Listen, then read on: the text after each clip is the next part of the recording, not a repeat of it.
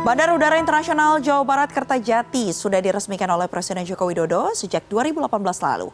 Dan meski pengoperasiannya belum dinilai optimal, namun keberadaan bandara terbesar kedua di Indonesia ini sudah memberikan dampak ekonomi kepada masyarakat sekitar. Sejak diresmikan oleh Presiden Joko Widodo pada Mei 2018, Bandara Internasional Jawa Barat Kertajati belum secara optimal beroperasi.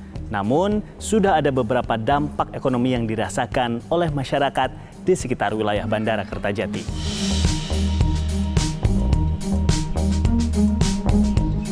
Agus merupakan salah seorang warga Kabupaten Majalengka yang merasakan dampak ekonomi dari kehadiran Bandar Udara Kertajati. Pria berusia 46 tahun ini bercerita sudah membuka sebuah rumah makan sejak tahun 2009. Pada tahun 2023, Agus membuka rumah makan kedua yang berlokasi tidak jauh dari bandara. Sebelum bandara Kertajati dibangun, usaha milik Agus menghasilkan omset sekitar 3 juta sehari. Namun kini, ia mampu mendapatkan sekitar 7 hingga 8 juta dalam setiap harinya.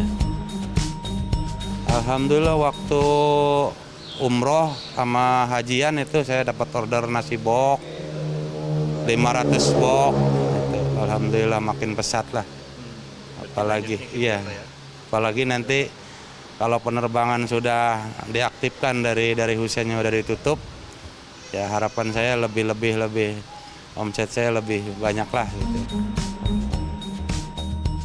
Hal serupa juga dirasakan Enden Cahyani.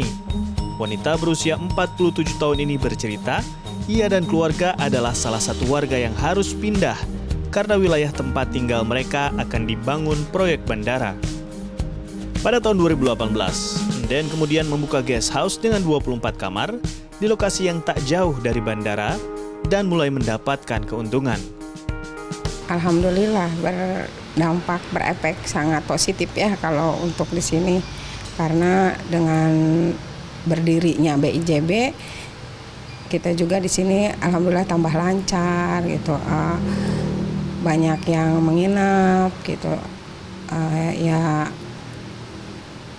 alhamdulillah dari uh, apa tamu-tamu yang mau ke mana gitu bepergian alhamdulillah singgah di sini nginep di sini dulu Menurut Direktur Center of Economic and Law Studies Bima Yudhistira, kondisi Bandara Kertajati saat ini belum optimal. Kebijakan pengalihan penerbangan dari Bandara Hussein ke Kertajati tidak akan cukup jika tidak dibarengi dengan upaya lainnya. Misalnya, insentif harga bagi kendaraan shuttle dari kota sekitar bandara, serta pengembangan kawasan industri di kawasan sekitar Bandara Kertajati. Penting ya, saya pikir untuk mendorong yang namanya okupansi, terutama transportasi publik ya.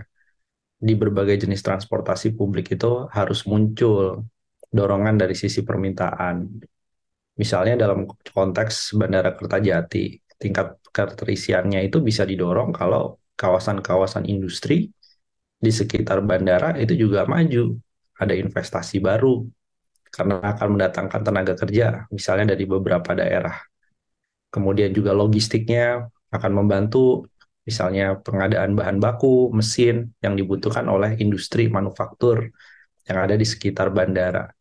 Nah, ini jadi artinya harus ada stimulus juga untuk menciptakan permintaan. Selama stimulus itu tidak cukup, maka biaya operasional yang dikeluarkan untuk perawatan bandara itu tidak akan menutup uh, dari sisi pendapatannya. Jika Bandara Kertajati semakin berkembang dari sisi jumlah penumpang hingga kawasan bisnisnya, maka dampak ekonomi bagi warga sekitar bandara juga akan semakin besar dan luas. Angga Putra, Rusman Rusmana, Majalengka, Jawa Barat.